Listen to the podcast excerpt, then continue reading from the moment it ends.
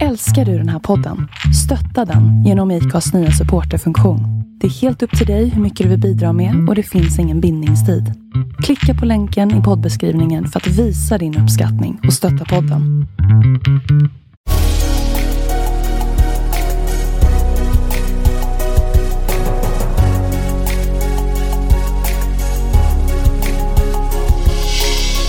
Välkommen till podden Vart är vi på väg? I denna podd intervjuar vi sociala entreprenörer och andra personer som är involverade i ekosystemet kring socialt entreprenörskap. Vi vill ge dig som lyssnare tips och inspiration till hur innovativa idéer och entreprenörskap kan vara lösningen på de samhällsutmaningar som vi står inför. Vi vill även inspirera människor till en livsstil med hållbara vanor och vi vill självklart lyfta fram alla fantastiska sociala entreprenörer i rampljuset. Detta avsnitt görs även i samarbete med Sellpy, som vi inte är sena till att hylla. Sellpy är Sveriges största e-handel och säljtjänst för second hand. Och på sellpy.se handlar man alltid kvalitetssäkrare varor med snabba leveranser. När du handlar på sellpy.se kan du även se hur mycket vatten och koldioxid som du är med och sparar jämfört med om du hade köpt varan som ny. Under februari kan vi därför erbjuda er som lyssnare en rabatt på första köpet på Sellpy om du anger koden IMPACT25. Så gå in och välj bland deras över 400 000 unika varor.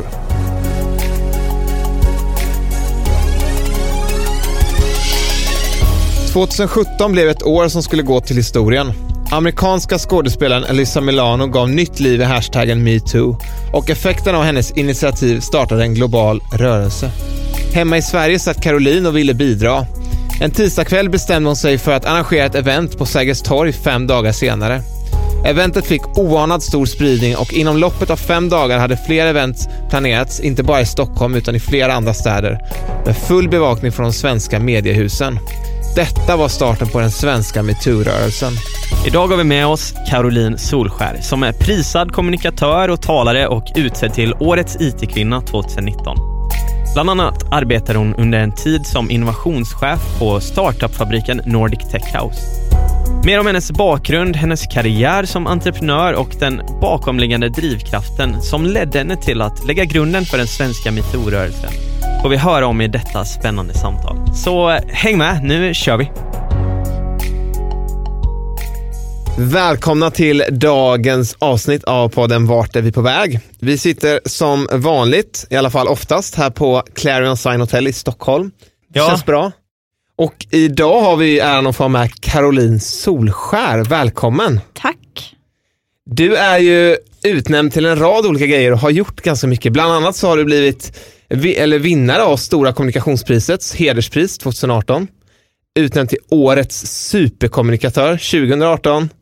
Eh, Du var också en av initiativtagarna bakom den svenska metoo-rörelsen. Eh, Och hyllad talare och utnämnd till Årets IT-kvinna. Mm. Hur känns det? Det känns bra. Det känns, det känns bra när någon annan säger det. Man bara, ja ja, mm, det där var jag. Det är ingen dålig meritlista, Nej, men du har jobbat hårt kanske för det. ja, jag har inte, inte suttit och latat mig om man säger så. Nej, precis. Men hur ser en vanlig dag ut för dig då? Det känns som att du är inblandad i många olika grejer. Ja, alltså jag har ju väldigt spretigt liv, helt klart. Just nu så är jag vad jag själv kallar för arbetsfri. Eh, Jag sa upp mig i eh, november och har tagit det lite lugnt sedan dess. Så just nu ser mitt liv väldigt eh, nice ut om man, liksom, om man skulle berätta en vanlig dag.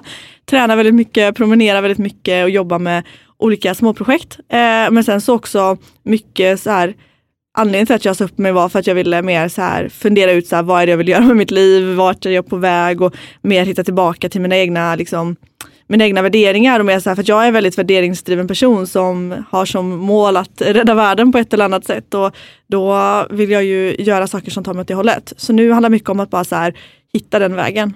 Kort, liksom, vad, vad har du gjort senaste tiden om vi bara ska börja där, sen kommer vi komma in mer på det i samtalet. Liksom. Mm. Eh, jag har eh, startat upp en podd själv eh, tillsammans med min kompis eh, Sandra Mobaraki. Eh, och där pratar vi om tech och byggindustrin. Så den kommer vi lansera väldigt, väldigt snart och jobbat ganska mycket med. Eh, så det har varit ett väldigt stort fokus för oss. Eh, sen så har jag, jag håller på att skriva en bok eh, och försöker väl så här, alltså den är egentligen klar, jag måste bara bli modig och våga liksom våga erkänna det för mig själv på något sätt. Att den liksom är redo för någon annan att läsas. Eh, och eh, ja, nej, men sen så är det mest eh, bygger muskler. Ja, men det är ju jättebra. Förbereda för framtiden då kanske. Precis. Vad är det som är läskigt med att släppa en bok? Där? Alltså jag tror så här att, det, alltså, att skriva en bok, det är så himla mycket, alltså det är verkligen, alltså, för mig blir det så mycket så här, utlämnande och att verkligen så här, att, att jag har lagt ner så mycket tid på någonting, alltså verkligen så här, jätte, jättemycket tid på någonting och så ska någon annan läsa det och bedöma det och kanske eventuellt säga att det inte är tillräckligt bra. Och jag tror att för mig så, för att i många fall, alltså, jag är väldigt mycket en så här good enough person. Jag, jag är sån som, jag gör saker och så jag bara, men nu är det tillräckligt bra och så liksom lämnar jag det vidare. Men det här är en av de få gångerna som jag verkligen har gjort någonting som jag Alltså som säkerligen är väldigt överarbetat till och med. Alltså jag har nog lagt liksom 150 procent på det. Alltså så här. Och, och då känns det så läskigt för att i vanliga fall så kan jag ju lite skylla på att ah, ja, men jag gjorde ju bara ett första utkast och sen så gör jag det bättre när jag får feedback. Men nu kan jag inte riktigt skylla på det om någon tycker det är dåligt. Podden då som ni har dragit igång, kort vad kommer ni snacka om där? Eh, men vi kommer att snacka om då tech och byggindustrin. Jag jobbar ju i it-branschen och eh, Sandra jobbar i byggbranschen. Och vi ser väl att båda de här branscherna och kanske lite mer bygg än tech men ändå båda eh, pratar man många gånger om i ganska negativa termer om att så här, det är väldigt ojämställt och det är liksom väldigt så här, machokultur och så vidare. Och det är klart att det finns men det finns också extremt mycket positiva fina sidor med de här branscherna. Eh, det är därför vi älskar de här branscherna, vi älskar att jobba i dem och vi vill inspirera fler unga människor eller med, mer människor överlag att komma in i de här branscherna och börja jobba i dem. Eh, och då vill vi prata om så här, de bra sidorna fast på ett lätthanterligt sätt så att man det finns ju många poddar om tech till exempel som kan vara ganska liksom, svåra om man inte, inte är insatt i it-industrin redan. Eh, och då vill vi istället prata på ett ganska liksom, lättförståeligt sätt om nya trender och om nya coola projekt och så vidare för att få folk att förstå hur fantastiskt det är att vara i de här branscherna. Har du någon sån här uh, specialgrej i vardagen som du som person Mm. inte kan vara utan? Oj, alltså, ja, jag har en pinsam sån grej. Jag är beroende av Monster energidryck. Ja, det är så? Ja, så att jag dricker en sån typ varje dag. Alltså andra så här, typ de här normala energidryckerna, typ Nocco och sånt. Men Sånt det, som man ska ha liksom. Sånt som, sånt som ser lite coolt ut, folk går och dricker en Nocco eller en Celsius, men det, är liksom, det funkar inte för mig. Vi hör ju här när du pratar att du, du är inte från Stockholm från Nej. början. Var är du uppvuxen någonstans? Eh, jag är från en liten ö i Göteborgs norra skärgård som heter Uckra. Det var väldigt bra och väldigt dåligt samtidigt. Alltså det, det som var väldigt bra var att man var väldigt fri. Alltså sam, väldigt, från väldigt ung ålder så kunde man liksom ut och leka vart man ville. Och, eh, på rasterna när jag gick i skolan så liksom tog vi cykeln eller sen moppen och åkte ner till vattnet och badade och sådana här saker. Det var ju väldigt, liksom, så det var väldigt skyddat och väldigt fint på det sättet. Sen så som det tyvärr blir på många alltså mindre orter så, så blev det också väldigt inskränkt och folk hade väldigt, eller vissa människor hade väldigt eh, konstiga idéer om hur folk som inte var exakt från det här stället var.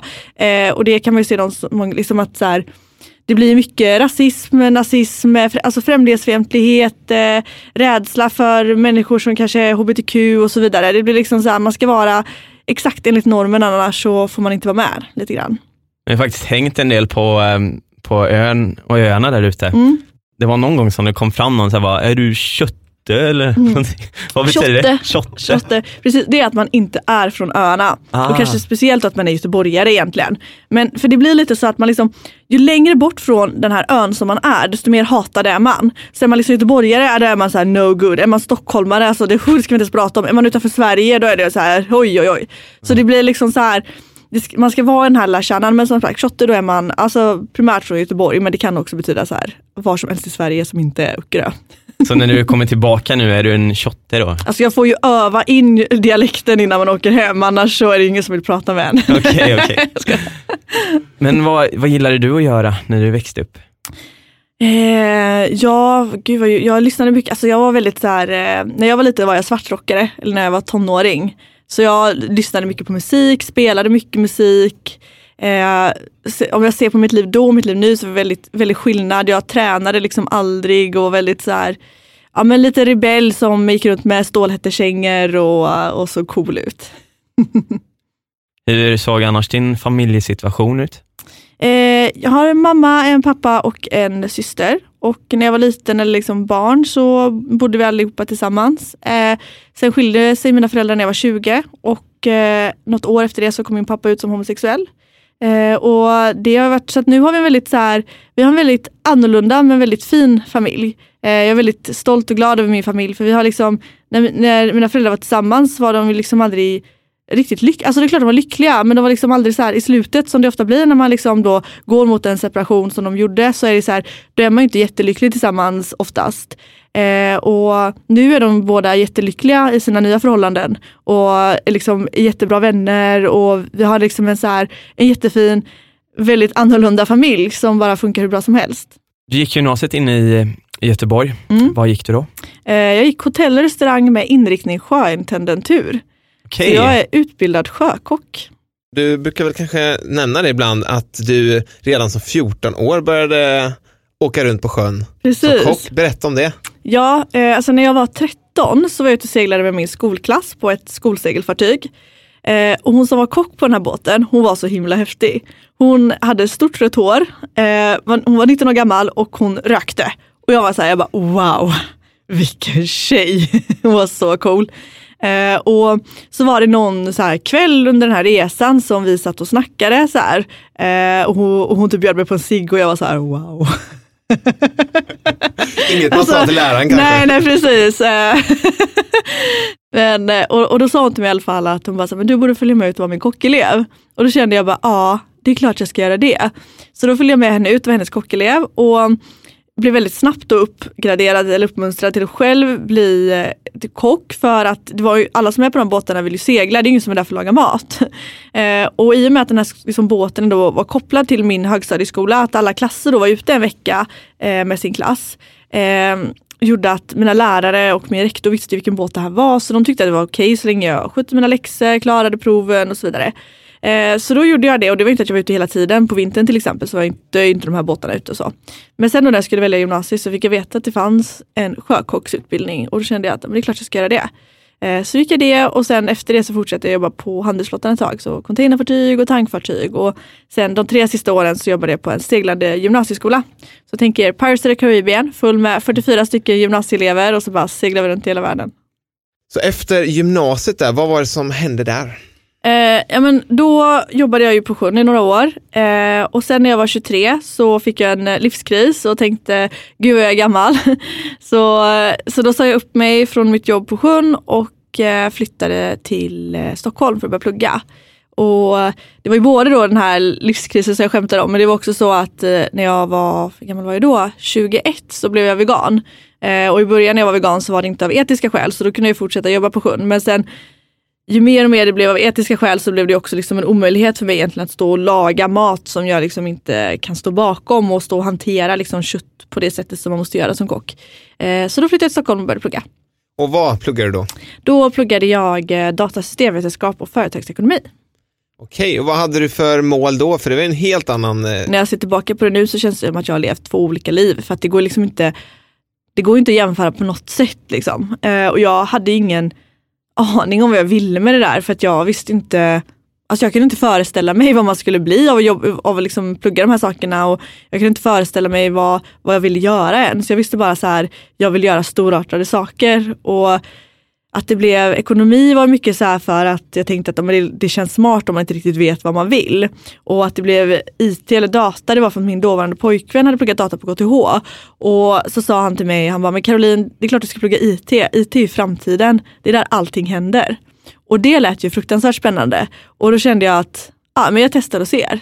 Och så gjorde jag det och så bara föll jag pladask. Och under den här tiden så var det ju inte, det var inte nog med att du satt och studerade utan du startade lite olika organisationer också. Mm. Alltså när jag flyttade till Stockholm så startade jag mitt första bolag, eh, världens sämsta affärsidé, Gratify. Och eh, efter jag hade gjort, eller liksom när jag gjorde det så öppnades en helt ny värld upp för mig. För att jag hade aldrig tidigare sett mig själv som en entreprenör eller någon som kommer på idéer. Och helt plötsligt så var jag det och alla runt omkring mig såg mig som det. Och det var en sån himla häftig känsla att så här, inse att så här, jag kan ju bli vad jag vill. Jag kan ju, och jag kan ju göra vad jag vill bara liksom jag för, testar och försöker och liksom förstod hur, alltså så här, men det, var så, det var jättecoolt och jätte, det, det, jag växte så enormt mycket av det. Och då kände jag så här att nej men det här vill jag att andra människor ska få uppleva. Så då startade jag upp en entreprenörsförening på Stockholms universitet. Och den blev jättepopulär jättesnabbt. Det var jättemycket studenter som ville vara med. Men problemet var att alla pluggade samma sak. Och det gjorde att alla hade så, ungefär samma bakgrund, samma kunskap, samma intressen och ville göra samma sak i ett bolag. Och det är ju jätteintressant om man bara vill sitta och snacka. Men vill man starta bolag ihop så är inte det optimalt. Eh, så därför hörde jag mig till alla andra entreprenörsföreningar på alla andra universitet i Stockholm, Göteborg och Uppsala. Och tillsammans så startade vi då en rikstäckande organisation för entreprenörskap som vi kallar för Unipreneurs Network. Ehm, och tanken med den då var just att studenter på olika universitet skulle kunna liksom hitta ett, ha ett ställe att samlas och liksom starta bolag ihop. Och genom den sen då så ville jag starta upp ett entreprenörshackathon. Så jag ville samla studenter över hela Sverige och låta dem under en helg eh, ta affärsidéer från att bara vara idéer till riktiga bolag. Eh, och då pitchade jag den här idén för då Unipreneurs Network, eh, resten av den här styrelsen. Och då sa de till mig att Caroline, det här är en jättebra idé, men vi har inte tid. Så då rekryterade jag en projektgrupp som bestod av studenter från alla universitet i Stockholm. Eh, och det var den mest roliga rekryteringsprocess jag någonsin haft. Vi satt liksom i, liten så här, i en källarlokal och hade de här intervjuerna och de bara, ah, men finns det så här, liksom, vad har hänt de andra åren när de har gjort det här projektet? Vi bara, det är första gången. Och de bara, ah, vad är det för organisation eller vilket universitet står bakom? Alla. Alltså det var så konstigt. Bara, vad är budgeten? Bara, det finns ingen budget, ni måste fixa spons typ. Alltså det var, det var så roligt. Eh, men det blev liksom Alltså så bra event, det var helt sjukt. Och det här finns fortfarande kvar, både då Unipreneurs Network och det här hackathonet som heter Create Squared. Eh, sen har jag startat massa andra, liksom, massa andra projekt som heter YIT för att få fler då, eh, ekonomistudenter att bli engagerade i, eller liksom vilja plugga IT. Och, jag, jag var så engagerad i kåren när jag pluggade så att det är så här, nu när jag tittar tillbaka så är jag bara, hur hann jag plugga? Men den här drivkraften som du har haft i, under de här åren, fanns den innan? Ja, fast på ett annat sätt. Alltså jag har alltid liksom varit någon som, jag vill alltid så här, göra storartade saker och jag, är alltid liksom, jag är väldigt bra på att visualisera och varje gång jag startar någonting nytt oavsett vad det är så ser jag liksom alltid så här, alltså ett, slutresultat som är liksom helt fantastiskt. Alltså, när jag började jobba på sjön så såg jag ju framför mig hur jag skulle bli världens bästa sjökock. Alltså att, ah, på varenda båt i hela världen skulle man prata om Caroline Solskär och bara henne vill vi ha. Alltså så. Ehm, och, så att jag tror att när jag spelade musik när jag var liten så såg jag mig själv som rockstjärna. Alltså så, här, så jag har alltid liksom haft väldigt stora drömmar, alltid liksom siktat väldigt högt. Sen då efter eh, universitet så har ju du gjort lite blandade grejer. Berätta lite om vad resan tog vägen och de senaste åren här då. Under mina studier så jobbade jag extra som cybersecurity-konsult eh, och tyckte det var väldigt kul. Men sen när jag var klar då så fick jag jobb på Microsoft som program manager Eh, och, och, började jobba där. Och det var väldigt roligt för att då när jag var klar med mina studier så var jag väldigt inställd på att så här, jag ska börja jobba på storbolag. Det var liksom så definitionen av att ha lyckats på något sätt. Så att, då, att jag fick jobb på Microsoft som ju är ett väldigt stort IT-bolag var verkligen så här, bara wow, det är, så här, det är det här jag har kämpat för på något sätt. Eh, och började jobba där och hade jättekul. Jag jobbade i ett, eh, i ett globalt team och åkte runt och liksom gjorde, anordnade hacks tillsammans med våra största kunder. Men eh, ja, det var också någonting som började gnaga lite. Jag kände bara så här, jag kände hela tiden att det var någon, på något sätt så var liksom inte jag den bästa versionen av mig. Och sen ganska tidigt när jag började på Microsoft så startade jag upp eh, metoo-manifestationerna. Eh, som ju blev en liksom väldigt stor grej, eh, speciellt kanske för mig själv då, som inte alls har liksom någon bakgrund inom att jobba med sådana frågor på det sättet. Efter metoo-manifestationerna så blev jag tillfrågad att komma ut och föreläsa ganska mycket på olika events. Och ett av dem var en konferens som heter SIME och när jag då satt backstage på den här, på den här konferensen så, så kom helt plötsligt Isabella Löwengrip in i rummet med hela sitt så här entourage av människor. Eh, och, och, Isabella går runt och hälsar på alla eh, och vi som är där gör vårt bästa för att inte bli för starstruck. Eh, och helt plötsligt eh, så är det någon som, som utbrister, men, men du är ju Caroline Solskär. Och då blir det jättekonstig dynamik i det här rummet. För jag kan se hur alla så här, tittar på mig, tittar på Isabella och så kan jag se hur de tänker, de bara, men hallå, Isabella Lövengrip står jag här, vem är du? Eh, och då visar att personen som har sagt mitt namn, han heter Linus och han är där tillsammans med Isabella för att då lansera ett bolag som heter Nordic Tech House på scen. Eh, och jag och Linus hade träffats flera år tidigare när vi båda var studenter. Jag hade precis startat upp den här organisationen Unipreneurs Network och var ute och pratade om hur fantastiskt det är att, liksom, att studenter från olika universitet möts och, och skapar saker tillsammans. Och Linus hade precis startat sitt första bolag och hade då eh, enligt honom själv då, eh, blivit helt hänförd av mig och tänkt så här, wow vilken tjej. När jag har ett riktigt bolag, då ska jag anställa Caroline Solskär. Men vi sen då tog en, en lunch i alla fall och så berättade Linus mer om Nordic Tech House vad de gör och jag tyckte det lät jättecoolt. Så sen då spola fram eh, ett tag till, eh, så när jag då väl insåg att så här, Microsoft var inte rätt bolag för mig och det var en väldigt svår period för att jag var verkligen liksom inte bäst där och inte att jag alltid måste vara bäst, bäst, men jag var inte bäst Alltså den bästa versionen av mig själv. Jag var inte den bästa Caroline om man säger så. Det är inte att jag måste vara bättre än alla andra men jämföra sig med sig själv och jag kände jag kunde inte förstå varför jag inte var så bra som jag ville vara.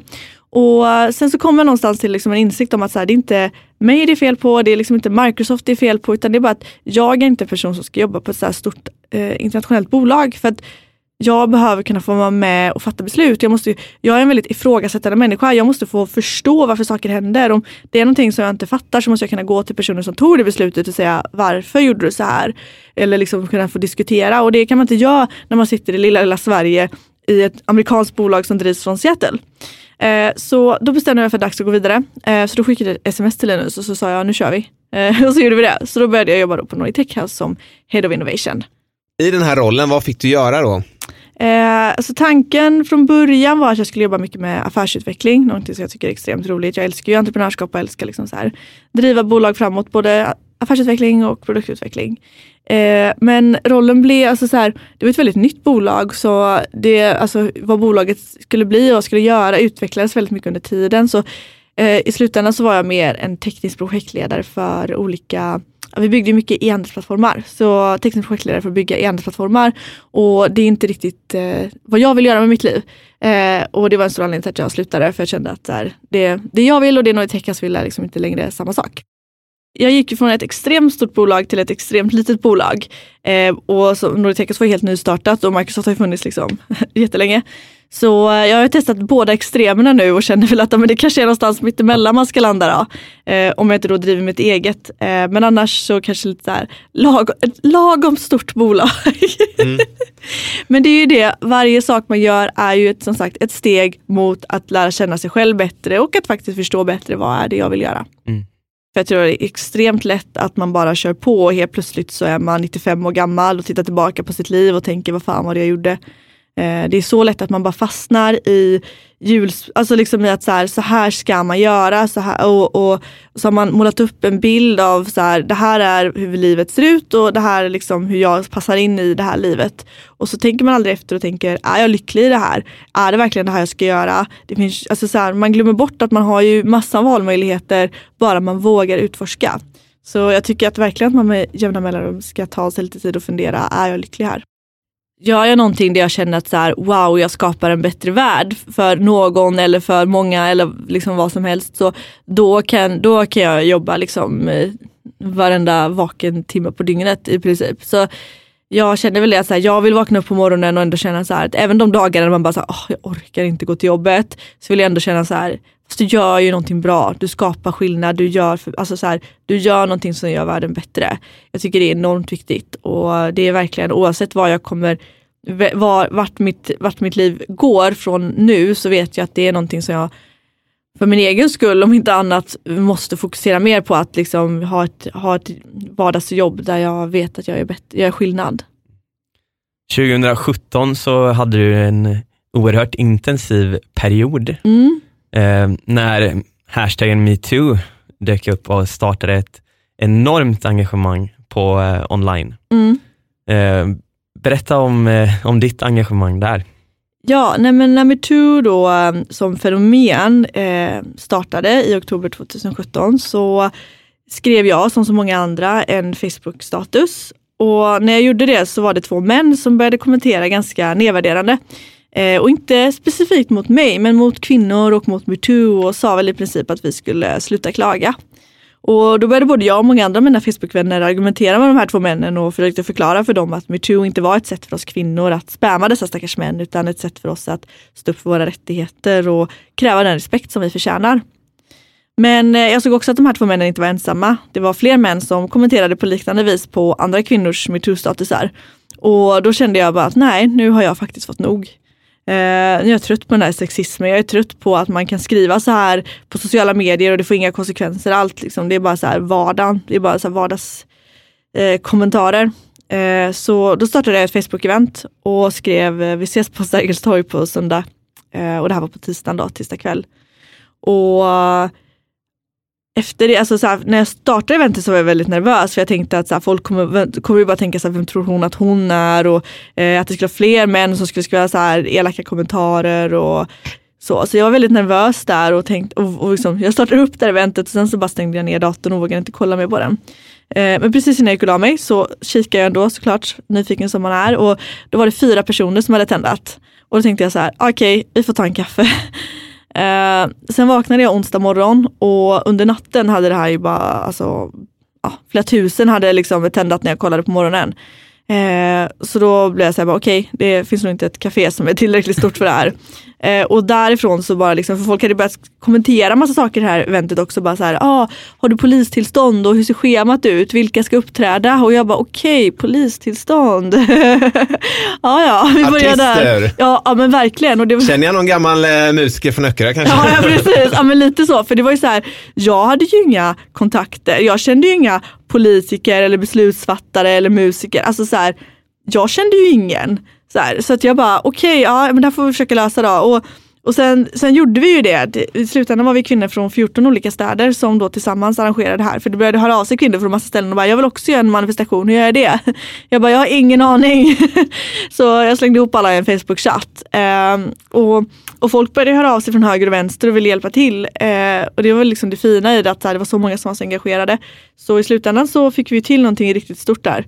Eh, och det har ju varit extremt ärofyllt att få ha varit en del av, av att metoo, för metoo har ju blivit större i Sverige än någon annanstans i världen. Och de här manifestationerna som, som vi gjorde, det blev liksom startskottet. Och jag tror just det att vi tog ut, alltså tog metoo från nätet och ut på gator och torg och verkligen så här visade att det här är inte bara bara någonting som händer online. Det här är inte bara liksom ett internetfenomen, det här är någonting riktigt. Eh, jag tror att det liksom var en, en, viktig del i det och det var det som sen drog igång alla, eh, alla upproren som, som skedde i alla branscher. Så att, nej, det, har, det har varit, eh, ja, jag är väldigt glad att jag vågade trycka på skapa event. Vad tycker du har varit eh, det starkaste att se i den här rörelsen? Alltså det starkaste har väl på något sätt varit att se hur eh, mycket skam som många kvinnor har blivit av med. För att mycket som har med sexuella trakasserier, sexuellt våld och så vidare, det är så jävla skambelagt och det är så många som har burit med sig saker i hela sina liv som de liksom aldrig vågat säga till någon. Och helt plötsligt så vågar man det och bara att säga saker högt så förlorar det så mycket av sin makt över en. Och jag kommer ihåg en, en historia som, som, som, eh, som jag verkligen liksom, ja, som tog mig väldigt hårt. Det var en, kompis till mig som berättade att under manifestationerna så stod hon eh, i publiken och bredvid henne så stod en gammal dam. Och den här eh, damen då stod och grät så min kompis frågade henne vad, vad som, hur det var med henne. Eh, och då berättade hon att hon hade blivit sexuellt utnyttjad av sin farbror hela, sitt, liksom, hela sin barndom. Och hon hade aldrig tidigare sagt det till någon förrän där och då på, på Sergels torg till en främling. Och för mig är det så starkt för det liksom innebär att där och då så försvann den där skulden och skammen som hon hade känt hela sitt liv i att det var hennes fel, att det var hon som hade gjort någonting fel. Och så stod hon där bland massa människor och insåg det, och jag vet inte hur gammal hon var, men sen att hon var 80 år gammal och insåg liksom 80 år gammal att så här, det här är inte mitt fel alltså innan metoo så kunde man ju inte riktigt prata om sexuella trakasserier till exempel utan att bli kallad så här extremfeminist. Men idag så kan man ju sitta i vilket fikarum på vilket kontor som helst och så bara säger man metoo så fattar alla vad det handlar om. Och då kan man, alltså så här, det är ju ett helt annat samtalsklimat nu där många människor har liksom faktiskt accepterat och erkänt att så här, det här är ett stort problem. Där är det ju väldigt viktigt att också liksom poängtera att så här, metoo handlar inte om att så här, skuldbelägga alla män för allt de någonsin har gjort utan det handlar ju om att belysa de normer och strukturer vi har i samhället som alla har varit en del och är en del av att upprätthålla. Eh, det är ju som sagt det finns jättemycket, ser man tillbaka, sagt, ser man tillbaka bara innan eh, oktober 2017 så finns det massa saker som bara, hur kunde det där få hända? Och det är inte bara mäns fel att det såg ut så, det är allas fel. Och det enda man kan göra är att säga, okej okay, nu vet vi bättre, så nu gör vi annorlunda. Mm. Kan du se trender av något annat eh, så här grej som bubblar liksom, eller som du tycker borde liksom börja pratas mer om? Eh, ja, för egen del så tycker jag ju verkligen så här djurrättsrörelsen. Eh, för det är ju också sådana grejer som, sagt, jag har varit vegan i sju år och när jag blev vegan så var ju verkligen så här, då var man ju också så här, man var ju någon så här extrem aktivist liksom som, som inte käkade kött och, och, och mejeriprodukter. Eh, men det är ju någonting som också håller på verkligen så här normaliseras och nu är ju var och varannan människa liksom vegan någon gång i veckan och det finns jättemycket, kommer jättemycket nya produkter hela tiden. Och det är jättekul men det är liksom på något sätt de fina sidorna av det. Och jag hoppas ju, tror och vill själv alltså börja belysa de faktiska problematiken. För det är, så här, det är jättefint att du käkar liksom en, en sojaburgare en gång i veckan men förstår du varför du ska göra det? Om man bara tar nu till exempel de här fruktansvärda bränderna i Australien. Det har ju varit jätte, jättehemskt och så sitter folk och bara Åh det är så hemskt med alla djur som dör i bränderna. Man bara ja men det dör ju fler djur i boskapsindustrin varje dag. Varför tycker du inte det är hemskt? Varför är det mer hemskt när en koala dör än när en ko dör? Ska man erkänna att boskapsindustrin är hemsk så måste man mm. också erkänna att man själv bidrar till det. Och jag fattar att det är en jättejobbig sak som tar lång tid. Eh, och jag sitter inte och skuldbelägger någon för att jag har inte heller alltid varit vegan. Eh, och jag sitter inte och säger att alla ska bli veganer över en natt men man måste börja tänka på det och jag känner ändå att det börjar, man börjar först, prata mer och mer om det. Men jag hoppas verkligen att kan, man kan prata ännu mer om det. De här intensiva dagarna i samband med att du eh, drog igång eventet där från tisdagen till söndagen när mm. eventet faktiskt skulle vara och du jobbade samtidigt på Microsoft. Ja. Ja, alltså jag kan ju säga så att de där dagarna jag varken åt eller sov. Det var ju inte ett hållbar livsstil jag hade då precis. Men eftersom det bara var fyra dagar så, så fick det gå. Mycket monster. Fick ni till en artist sen till slut? Ja, alltså det där, alltså vi hade så mycket människor. Det var ju nästan så lite för mycket till slut. det var så mycket. Vi hade både musiker, hela idolgänget var där och spelade en låt. Eh, vi hade mm, Victoria och Isa och sen så hade vi massa politiker. Så Åsa Regnér var där som var dåvarande jämställdhetsminister. Gudrun Schyman var där. Eh, Gud, alltså det var så mycket folk och det var så här, eh, Frida Boys som var moderator och alla nyhetskanaler var ju där och livestreamade. De flyttade ut morgonsoffan liksom till Sergels torg. Så det blev ju verkligen så här, och, och det har ju mycket, säkert, både mycket med att göra med att här, det var en viktig sak men sen så var det väl också just för att metoo blev så jävla stort i mediebranschen så att alla media, alltså byråer och, och, så, och, bolag kände väl så press på att så här, oj nu måste vi liksom vara på. Om vi inte är där så visar vi något annat. Liksom. Precis, verkligen. Och jag menar det i sig är ju inte bra men samtidigt så ledde det till någonting bra. Och du är ju inget eh, eventbolag eller hade något eventbolag i ryggen egentligen. Eh, och jag, jag, såg ditt TEDx-talk mm. där du just pratar om det här att man verkligen kan eh, engagera sig i någonting, även att man kanske inte har alla de här liksom, pusselbitarna mm. på platsen innan, men att ändå kunna ta steget. Ja, det där tror jag är jätteviktigt. Alltså det blir just det att man så gärna man, man har bestämt sig att det finns saker man inte kan göra och så bara testar man inte ens att göra dem. Och jag, jag, är övertygad om att den där tisdagen när jag satt och faktiskt vågade trycka på skapa event så satt det många där ute i Sverige som tänkte samma sak men som inte gjorde det för att man tänkte, men det där kan ju inte jag göra. Men det kunde inte jag heller innan. Jag har sagt, jag visste inte ens att man behövde ett polistillstånd. Alltså, så här, det, det, så jag tror att man, så här, man måste vill man göra stora saker så måste man våga sätta sig i situationer där man inte har en aning om vad man håller på med. Eh, det är då man växer, det är då man lär sig och det märker jag ju själv, för att jag gör det väldigt ofta, kanske lite för ofta ibland. Nej, men jag, jag känner ofta att hela mitt liv är bara en stor, liksom så här, vad håller jag på med?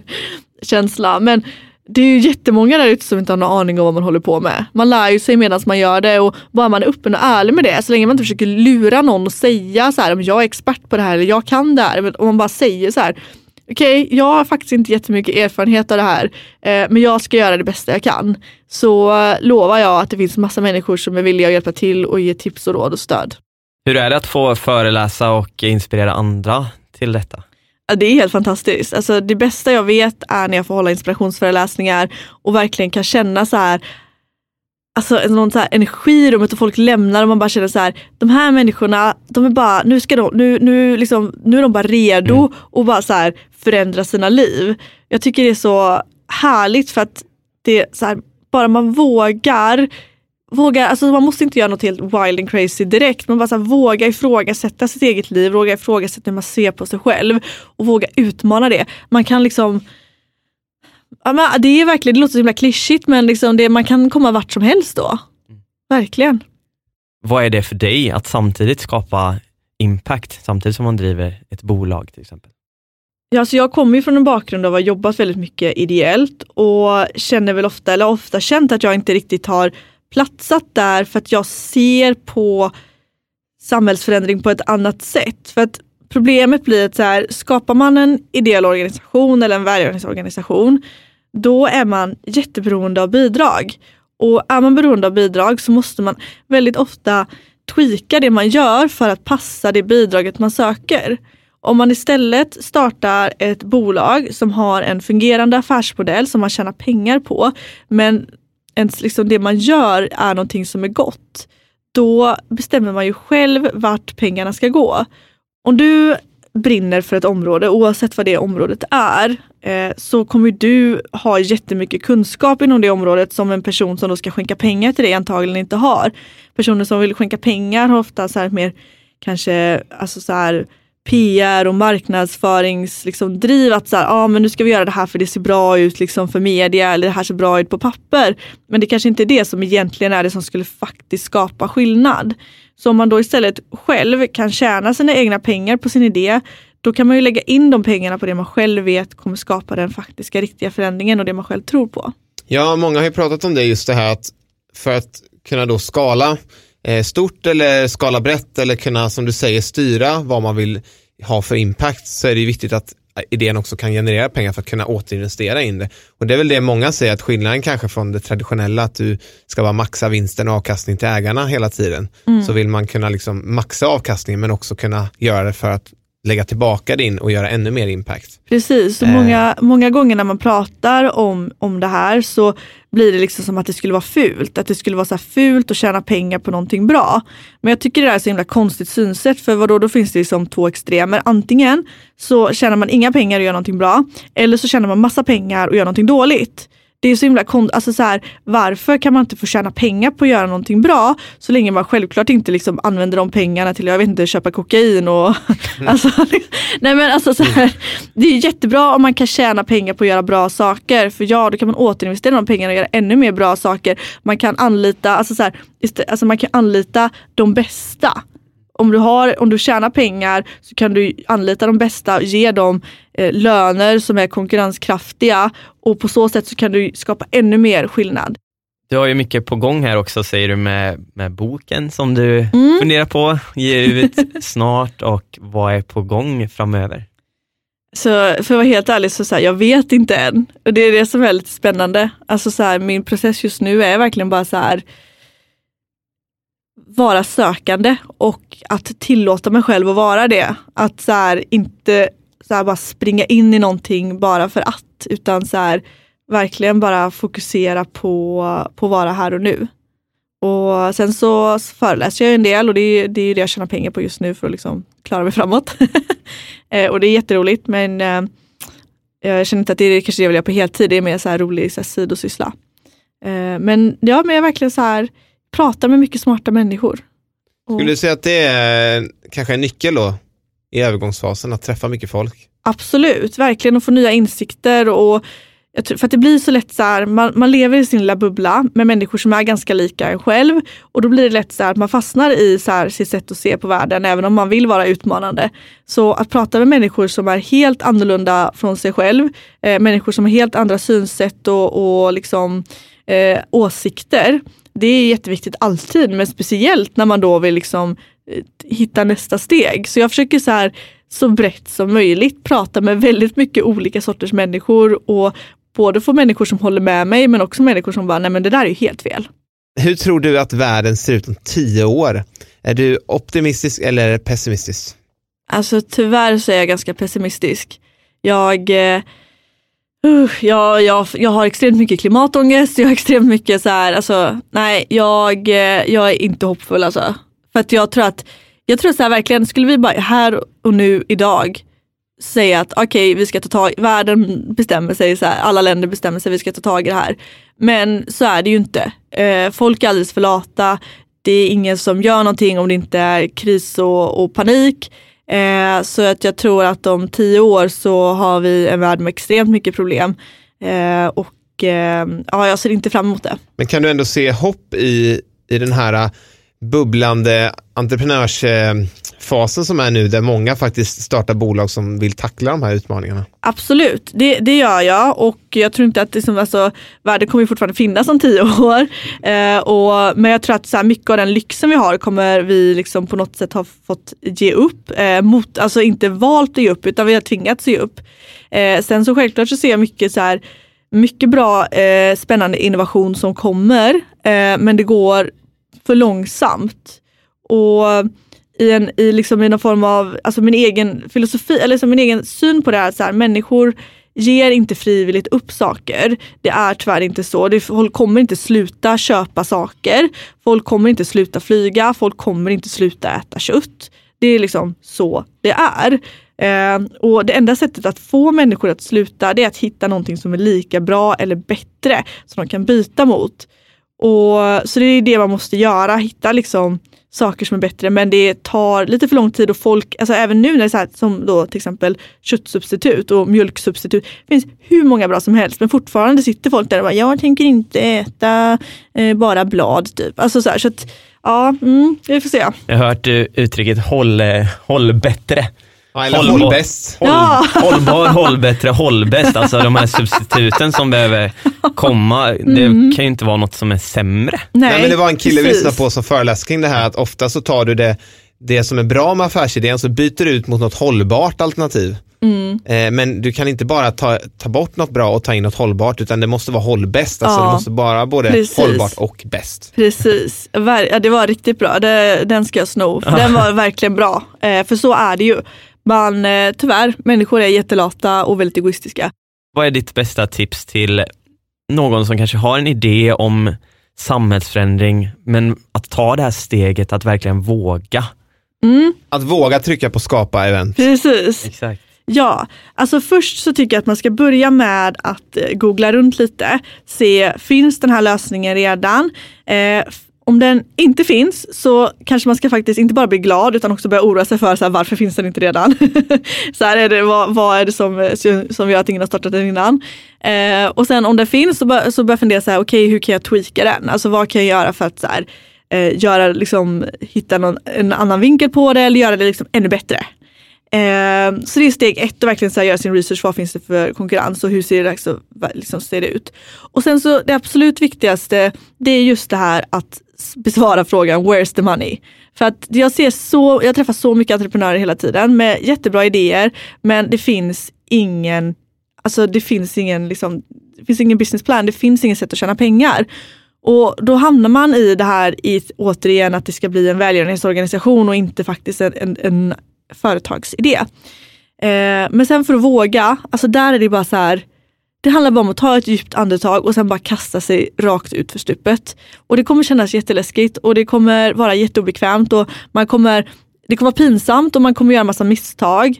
Men när man tittar tillbaka på det så kommer det vara värt det. Och i absolut värsta fall så sitter man här några år senare och kallar det för världens sämsta affärsidé. Men då har man ändå lärt sig väldigt mycket. Jag är jätteglad att jag startade mitt första bolag som var en jättedålig idé. För att utan det bolaget så hade jag aldrig kommit in i entreprenörssvängen. Jag hade aldrig lärt mig allting jag lärde mig av att starta bolag. Jag hade träffat extremt mycket människor som varit väldigt värdefulla för mig liksom, hela livet sedan dess. Eh, så men bara börja och det finns ju massa ställen man kan söka sig till. I, alltså I varje stad så finns det, så ny, eller inte varje stad, men många städer finns det nyföretagarcentrum där man kan gå och få hjälp med att skriva en affärsplan och få liksom höra erfarna människor ge lite så här validering på att om det här verkar vara en bra idé eller du kanske måste liksom arbeta lite på den och sådär. Men eh, sen så bara ja, hitta, hitta like-minded people och bara kör på. Eh, har du något företag eller impactbolag som eh, du tror har en positiv framtid för sig? Det finns ju jättemånga, men ett bolag som jag tycker är bra just när det kommer till det här perspektivet, liksom, alltså så här, eh, socialt entreprenörskap versus att faktiskt hitta en, en, en affärsmodell. Eh, det är Smiley, ni vet de här cashewnötterna som säljs på typ så här, till exempel Pressbyrån och sånt. Eh, för vad de har gjort, är det alltså när man skalar cashewnötter eh, så finns det något ämne i det som är giftigt och det gör att händerna blir svarta och jag tror till och med att man kanske får börja få massa sår. Och det är också någon ånga i det där som inte är bra att andas in. Men eh, människorna då som, som har cashew fält i Afrika. De sitter och skalar för hand utan någon form av liksom skydd för att det är det snabbaste sättet. Och sen så, tidigare då så har alla de här cashewnötterna sålts till Kina där det har funnits liksom några uppköpare som redan innan har kommit överens om vilka som köper från vilka fält. Vilket har gjort att de, de sätter ju priserna. Så då har de liksom köpt cashewnötterna till väldigt låga priser och sen säljer de väldigt dyrt då till Sverige eller till, liksom, till andra länder. Och det, det finns jättemycket dåligt med det här. Det absolut sämsta är då för de här arbetarna som liksom tvingas att gå runt med liksom svarta händer med sår och må, liksom andas in alla de här farliga ångorna. Eh, sen att det blir liksom en onödig transportsträcka, först då från Afrika till Kina och sen då till, till Sverige då till exempel. Eh, så vad de har gjort är att de har gått in och så har de eh, eh hittat då eh, farmers som de jobbar tillsammans med. Där de ser till att de har rätt utrustning på sig och liksom rätt skydd och rätt kunskap. Eh, sen så säljer de då eh, vidare till Sverige så att man tar bort mellanhanden. Så det innebär både att eh, arbetarna får en skälig lön för det de gör och de har rätt liksom, utrustning. Man kortar transportsträckan och de säljer nötter, vilket man säljer, alltså det är dyrt liksom. Så de tjänar ju pengar på det. Och sen går mycket av de här pengarna såklart in i liksom, arbeten för att göra det ännu bättre för de som jobbar på fälten och så. Men de själva kan ge sig själva löner och faktiskt jobba med det här och själva bestämma vart pengarna ska gå. Så det är ett exempel som jag tycker är väldigt bra. Superbra tips och superbra affärsidé. Mm. Vem skulle du vilja se bli intervjuad här i podden Vart är vi på väg? Oj, vad spännande. Det finns ju så många. Jag har en kompis som heter Charbel. Eh, han är riktigt grym. Han eh, jobbar som föreläsare och eh, han kom från Syrien från början och, eh, och har fantastiska föreläsningar om eh, sin resa till Sverige men också så integration och hur man så här, hur man kan förstå varandra även fast man kommer från olika liksom, kulturer och varför vi beter oss på olika sätt beroende på vilken kultur vi kommer ifrån.